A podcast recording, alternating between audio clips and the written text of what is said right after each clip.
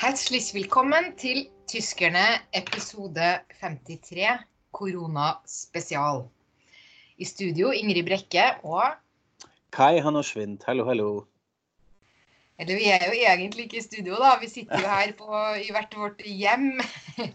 Vi har nemlig klart å Vi kan jo ikke gå i studio nå i disse tider, men vi har da klart å finne ut hvordan vi skal lage dette selv fra hvert vårt eh, eh, skrivebord. Så kanskje hører dere at lyden er litt annerledes, eller kanskje går det eh, kjempeglatt og vidunderlig.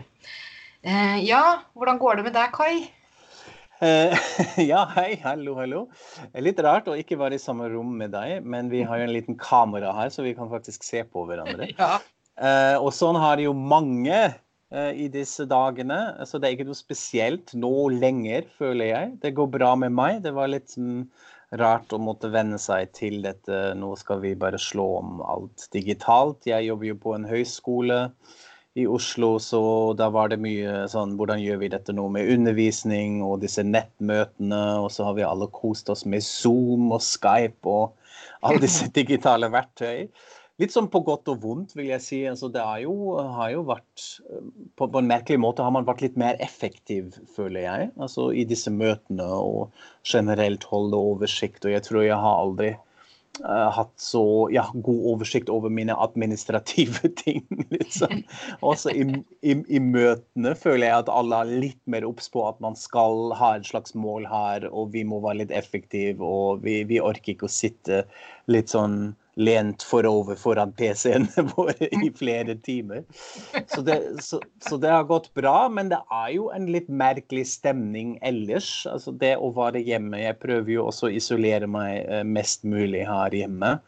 At det går litt inn etter hvert. Jeg har litt sånn drømt litt rart hver natt og uh, syns det er litt merkelig å være ute, og så plutselig blir jeg veldig hissig og irriterer meg over joggere som løper forbi, meg, puster inn i ansiktet mitt og ikke holder avstand, så blir jeg litt sur og uh, sånne ting. Så det har vært en, litt sånn en blanding av følelser. Men uh, herregud, dette er jo uh, på en måte også litt luksus sammenlignet med hvordan det er i andre land, så det har gått veldig fint. Med deg, da? Hvordan går det? Jo da, jeg har jo hjemmekontor og er på jobb i, i Aftenposten. Og jeg syns det går eh, ganske greit. Jeg hadde altså Den første uka syns jeg var eh, tyngre enn Men nå har jeg på en måte vent meg til det. da. Jeg sitter jo hjemme alene og, og syns jo det var litt uh, tungt uh, av og til, altså. Men så har jeg Vet ikke. Uh, man blir Man venner seg til alt. Man finner kanskje mer sånn rutinene sine. Jeg har vært på hagesenter og sådd frø, og det føles jo, føles jo veldig sånn derre frem, fremoverlent og våraktig og veldig deilig. Altså. Så jeg tenker at dette skal vel gå greit. så, kan, så, kan, du sitte hjemme og se på hvordan disse frøene vokser, ja. som, man, som, man, vanligvis ikke gjør. Nei, det er helt sant. Eh, det er litt sånn spesiell situasjon med tanke på, og så har det jo sikkert en del av lytterne våre òg, at vi har familie i Tyskland, altså, eller i andre land til og med. at man ikke det er ikke så lett nå å kunne reise dit, eller at det ikke går i det hele tatt. Og det har jeg også sett i en del Facebook-grupper at folk har begynt å stille spørsmål. Ja, men hvordan kommer jeg meg til Tyskland nå fortest mulig, og nå at flyene ikke går? og så ler man litt, men samtidig er det jo litt creepy òg. Det er jo sant. altså Norge og Tyskland jo, føles jo vanligvis mye nærmere sammen, mm. også geografisk sett. Men det gjør det ak ikke akkurat nå. Uh, og det er litt merkelig når man tenker på familier, uh, og man snakker kanskje litt ekstra mye med dem i, disse tider. Uh, så det er en litt sånn kanskje litt mer ubehagelig ramme, ubehagelig kontekst rundt, rundt, dette. Men vi klarer oss. Det går sikkert over.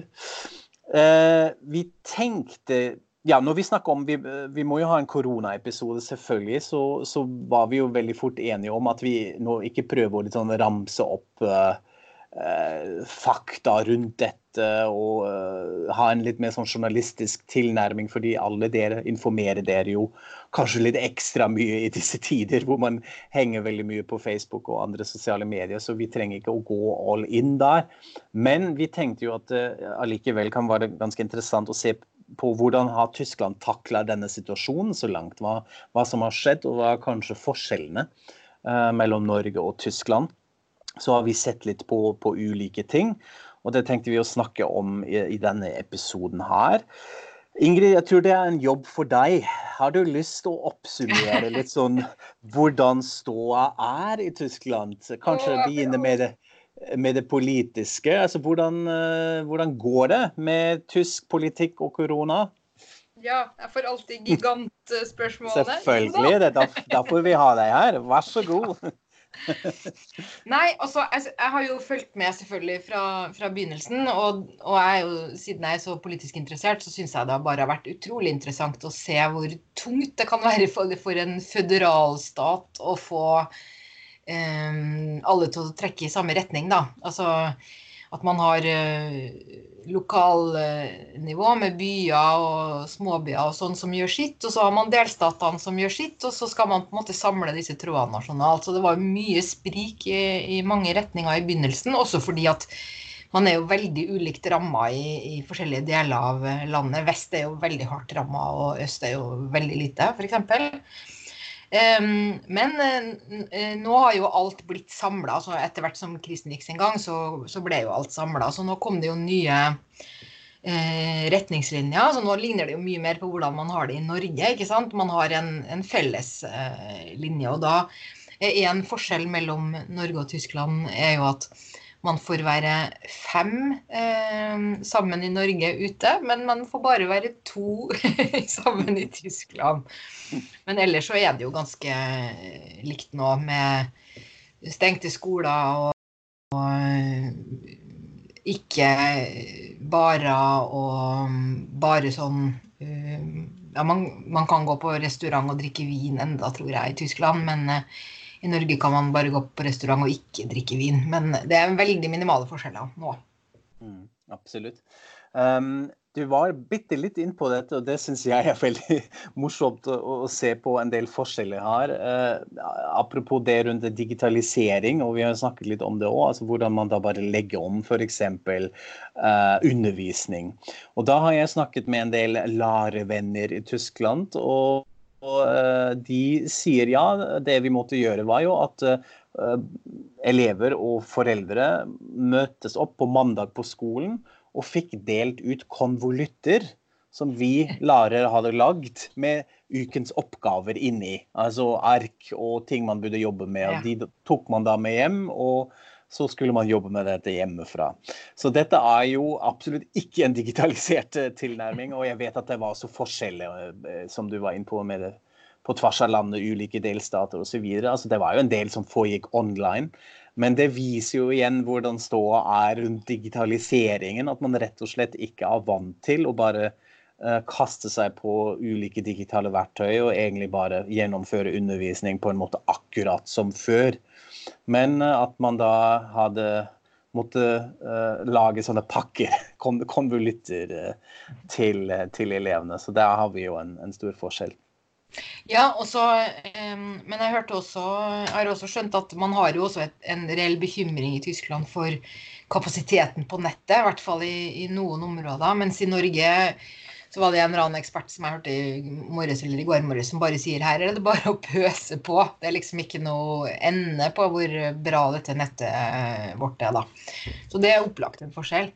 Men så tenkte jeg Jeg glemte jo én ting når jeg skulle ta denne litt sånn store oppsummeringa. Det er jo at det hører jo med hvordan tilstanden er for de som er Eller hvor mange som er syke og sånn.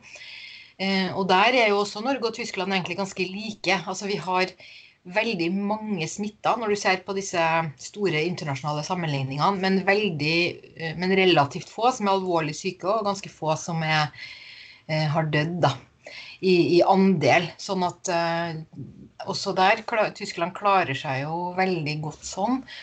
Og i dag har jeg jo eh, snakka med noen sånne tyske eksperter i forbindelse med en artikkel jeg skriver for Aftenposten. altså folk som sitter og, og eh, jobber i helsevesenet for å få dette til å gå rundt og sånn i, i, Tyskland.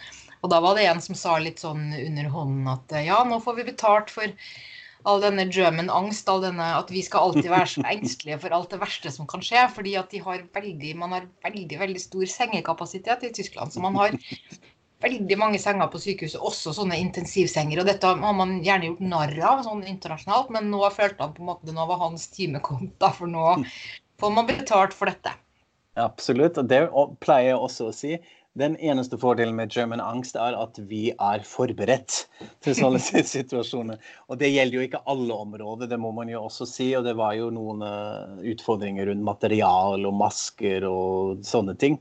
Men det er helt sånn som du sier, en sånn dekning av intensivsenger, det har vi på plass.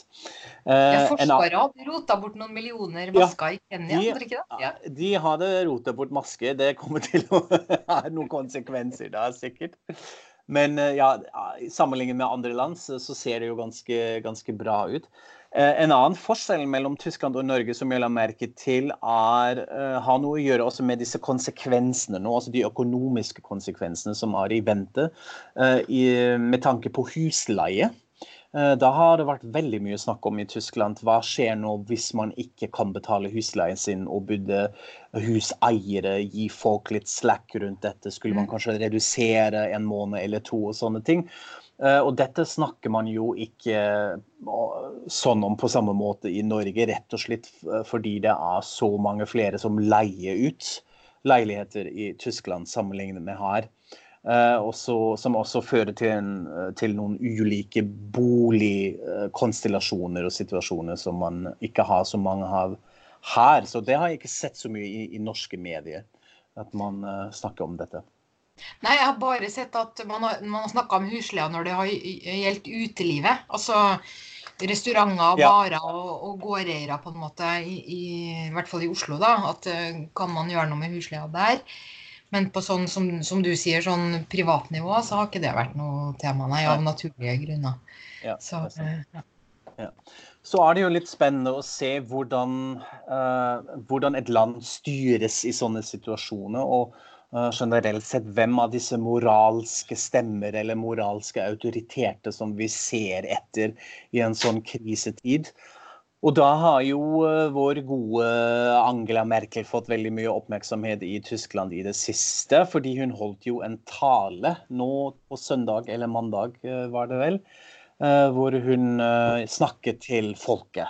Og, og, det gjorde det på en måte som var kanskje litt uvanlig for henne. fordi altså, På en måte var hun jo veldig rolig og kontrollert. Litt enkelt i språk og sånt. Men samtidig pekte hun også på det alvoret. Altså, dette har en alvorlig situasjon. Det kan sammenlignes med uh, DDR-sammenslåing og med andre verdenskrig og sånt. Altså en type utfordringer. Så her må vi være på banen. Her må vi, være, må vi følge med og følge etter. Uh, og så har hun selvfølgelig fått mye skryt for denne talen, men også en del kritikk. Du har jo sikkert fulgt med òg. Hva tenkte du? Var det noe spesielt med denne måten hun snakket til folket da? Ja, altså jeg la jo merke altså det, Hun sa jo nettopp ikke siden gjenforening av andre verdenskrig, men hun sa eh, siden gjenforening av meg, siden andre verdenskrig. Ja. Så hun gjorde et nummer ut av at dette er egentlig det mest, den største utfordringa ja. siden andre verdenskrig. Ja, hun retter seg selv. Enn gjenforeninga lå det på en måte under, da. Men ja, nei, akkurat som du sier, hun brukte seg selv, og hun sa jo også dette med at uh, hvor langt inne det sitter å gi folk frihetsbegrensning, tatt i betraktning hennes egen historie, hvor det var et tilkjempa gode, da. Man kunne få reise hvor man ville og sånn. Uh, det var en veldig god tale, syns jeg. Uh, veldig forståelig, enkel og, og sånn. Men det, det mest slående med den er jo rett og slett at den overhodet ble holdt. For hun har jo aldri holdt en tale til nasjonen i, sine, i alle sine 15 år ved makta, unntatt sånne nyttårstaler, da, som er en sånn eh, formalitet. altså Selv under flyktningkrisen, så da gjorde hun et par intervjuer hos, eh, Anne, hos Anne Will. Men hun holdt ikke noen sånn tale da heller. Så bare det at hun fant det nødvendig, sier hun på en måte sitt, da. Så, um, men nå jo, hun har jo også gjort noe annet som jeg syns var eh, er, litt, er ganske morsomt og litt rart. Det er jo det at det var i Bild Zeitung så var det jo en reportasje om at Angela Merkel har vært på supermarkedet og handla mat. Og det er litt sånn derre det er en veldig rar reportasje. For det, reportasjen bare sier her er Angela Merkel. Hun gikk først til grønnsaksavdelinga, og så gikk hun til uh, delikatesseavdelinga. Og så mm. kjøpte hun to ruller toalettpapir og litt såpe og surkirsebær. Og så ser vi hele tida bildene, da, og så står det mange flasker vin i vogna. Og så, kjører, og så dro hun til kasse 1 og betalte. Og jeg med tror kort. jo at Med kort. Ja, selvfølgelig. Det er jo viktig med kort. Ja. Ja. Nei, og jeg tror jo at det, dette er jo ikke tilfeldig at det kommer nå. Dette er sånn som blir lekka ut på en eller annen sånn her intrikat måte, sånn at folk kan se både at Angela Merkel er, er i butikken og er ved godt mot, og at hun ikke hamstrer, og at hun betaler med kort og alt dette her. At det er en slags sånn eh, plan bak, da. Men det viser jo at det er en sånn spesiell situasjon. Eh, men nå er jo nå etter uh, siste pressekonferanse så endte hun jo også i karantene. Mm. Fordi legen som hadde vaksinert henne, viste seg å være positiv. Så nå sitter hun hjemme da, og styrer landet, i hvert fall sånn delvis. Um, men har heldigvis testa negativt to ganger, da, så vi skal se det går uh, veien. Ja, absolutt. Så ser man kanskje til litt andre mennesker også som har kommet frem i, i, i, det, i disse krisetider. F.eks. En, en overlege, en virolog fra Charité i Berlin, Christian, professor Christian Drosten, som har vært veldig mye ute i media fordi han er kanskje ja, den fremste eksperten. Uh, rundt det der, eh, som er også litt, litt morsomt å, å, følge med og høre han, han snakke om dette. Har jo, han har en podkast, ikke sant? Har du hørt litt på den? ja, jeg hørte han på en eh, podkast. Eh, det er en av disse Nå har jeg glemt om det er VDR eller hvem det er, men det er en av de regions, regionkringkastingene mm. som lager den hver dag. Eh, og da hørte jeg en i forrige uke, og, og, han er jo veldig flink og forklarer så pedagogisk og godt. Og, og også at han er litt sånn personlig. Og da den jeg hørte, så var han litt sånn herre ja, Han syntes kanskje den rollen begynte å bli litt slitsom nå, fordi at han rakk jo ikke å lese alle disse vitenskapelige artiklene som han gjerne skulle for å holde seg oppdatert. Eh, så, og så har han også gjort et veldig langt intervju med Ditt Site, som er oversatt til engelsk, så det kan vi dele, så alle kan lese. Han er veldig flink og interessant fyr som har fått voldsom omtale. Mm. Det jeg liker kanskje mest med han, er at han er også veldig uh, åpen med å innrømme feil. Eller feil er kanskje litt mye, men at han retter seg selv iblant. At han sier ja, dette er noe Jeg sa kanskje noe annet på mandag, men det har forandret seg så mye, uh, mye siden det.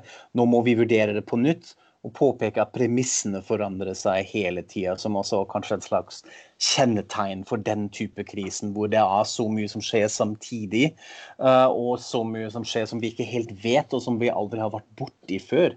Så da syns jeg det er veldig betryggende å ha en person som innrømmer dette, eller som er veldig åpen om prosessen også, og at man ikke har en sånn Uh, gammel mansplainer som, vet, som, vet, alt og kan alt.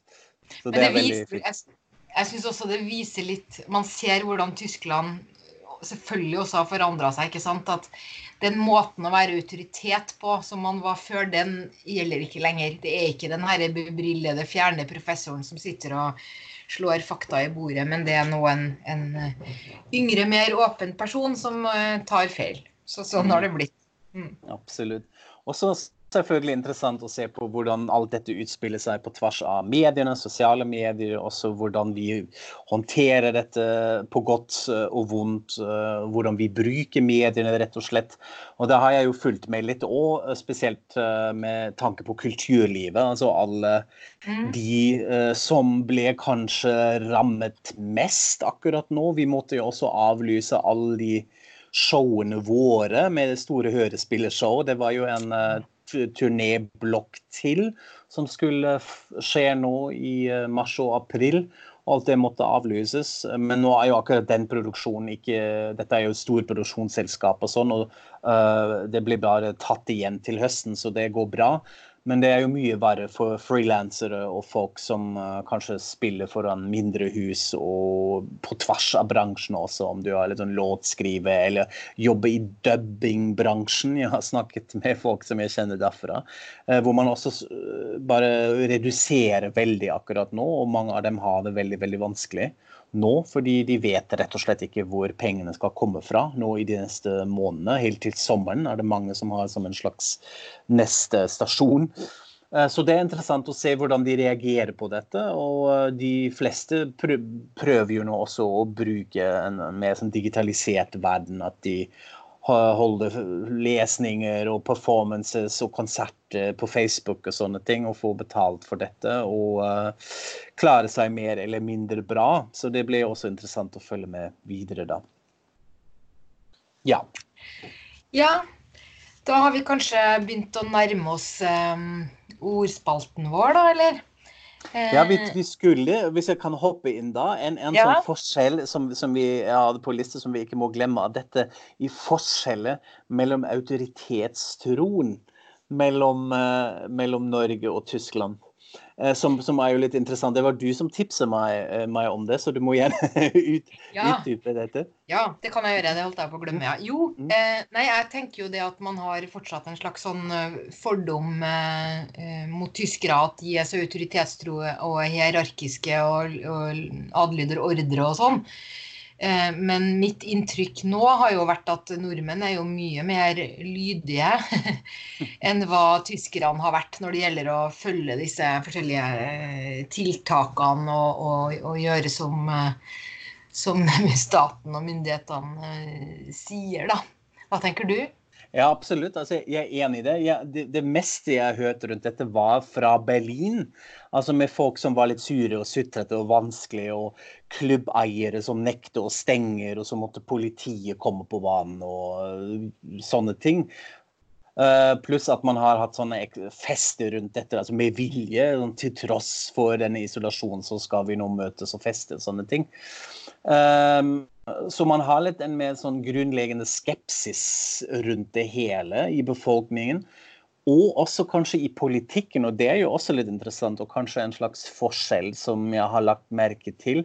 at man, Hvordan man diskuterer disse unntaksreglene som nå skal komme fra uh, politikken også. At man rett og slett utsetter en del lover osv. osv. Hvor det var uh, Dette er jo en slags tradisjon nesten i Tyskland som har ført til veldig mye bråk før. altså Siste gang det skjedde, var jo i 1968 hvor man skulle diskutere disse unntaksreglene uh, og skulle innrømme en del rettigheter til forbundsdagen som uh, mange, spesielt på venstresiden, ikke var noe særlig enig med, og som førte jo til 68-revolten uh, eh, i Tyskland. Så dette henger litt igjen nå. Jeg syns det var interessant at en del politikere selv var inne på dette. Altså jeg så f.eks. Amin Laschet. Uh, delstatspresident i Nordrhein-Westfalen, som var i talkshow, jeg tror det var hos Maischberger, eh, hvor hun da ble pressa litt. Hvorfor gjør dere ikke mer, og hva slags tiltak kommer dere på? og sånt. Hvor han sa ja, vi må jo ta det litt rolig òg. Vi må ikke glemme at vi nå utsatt fire grunnlover i løpet av en uke. Uh, og vi kan ikke bare kjøre på her uten grenser. Vi må være litt forsiktige, vi må ta mm. det litt med ro. Så dette føler jeg ble diskutert litt mer i, i den offentlige sfæren og i mediene, sammenlignet med, med Norge, kanskje. Hvor man ikke har ja, for det jeg hører opplagt, det er jo selvfølgelig Også i Norge ligger jo disse vurderingene veldig bak. Altså jeg tenker at selv om det ikke blir så åpent diskutert, så ligger det opplagt sånne refleksjoner bak også våre vedtak. Dette med at hvis du kommer for hardt og for tidlig, så blir jo folk opprørske, ikke sant. Og, og, mm. Så det gjelder å komme akkurat sånn når folk har blitt bekymra nok til at de finner seg i ting.